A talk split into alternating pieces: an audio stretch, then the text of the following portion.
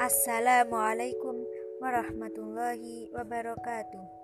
في هذه الفرصة اسمحوا لي أن أقرأ لكم القصة تحت الموضوع الشباب. ألقى الشيخ أحمد محاضرة عامة أمام الشباب في القاعة تحت موضوع مرحلة الشباب.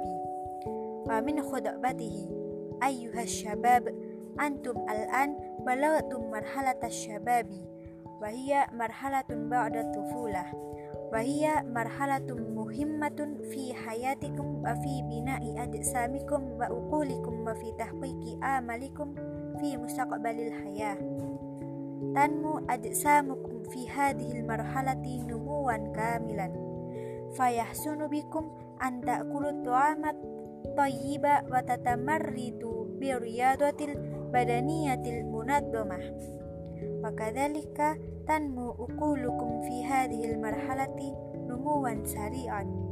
La budda lakum an tunaddimu a'malakum fi hayatikum. Wa tuqassimu awqatakum bainal amali war rahati wa baina riyadati wat tirasati. Wa la taqdu awqatakum bitulu bituli sah sahari wa ghairi minal a'mali wadin nafiati limustaqbali hayatikum.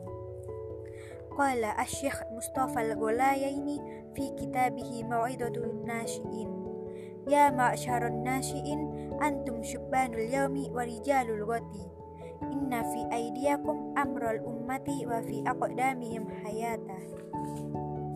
Lidah يجب عليهم أن يطلبوا العلوم النافعة ويعلموا الأعمال الصالحة ويتخلقوا بالأخلاق الكريمة. ويجب على الشباب أن يملكوا آملا رفيعة في مستقبل الحياة. منهم من يريد أن يكون طبيبا ليعالج المرضى في المستشفيات.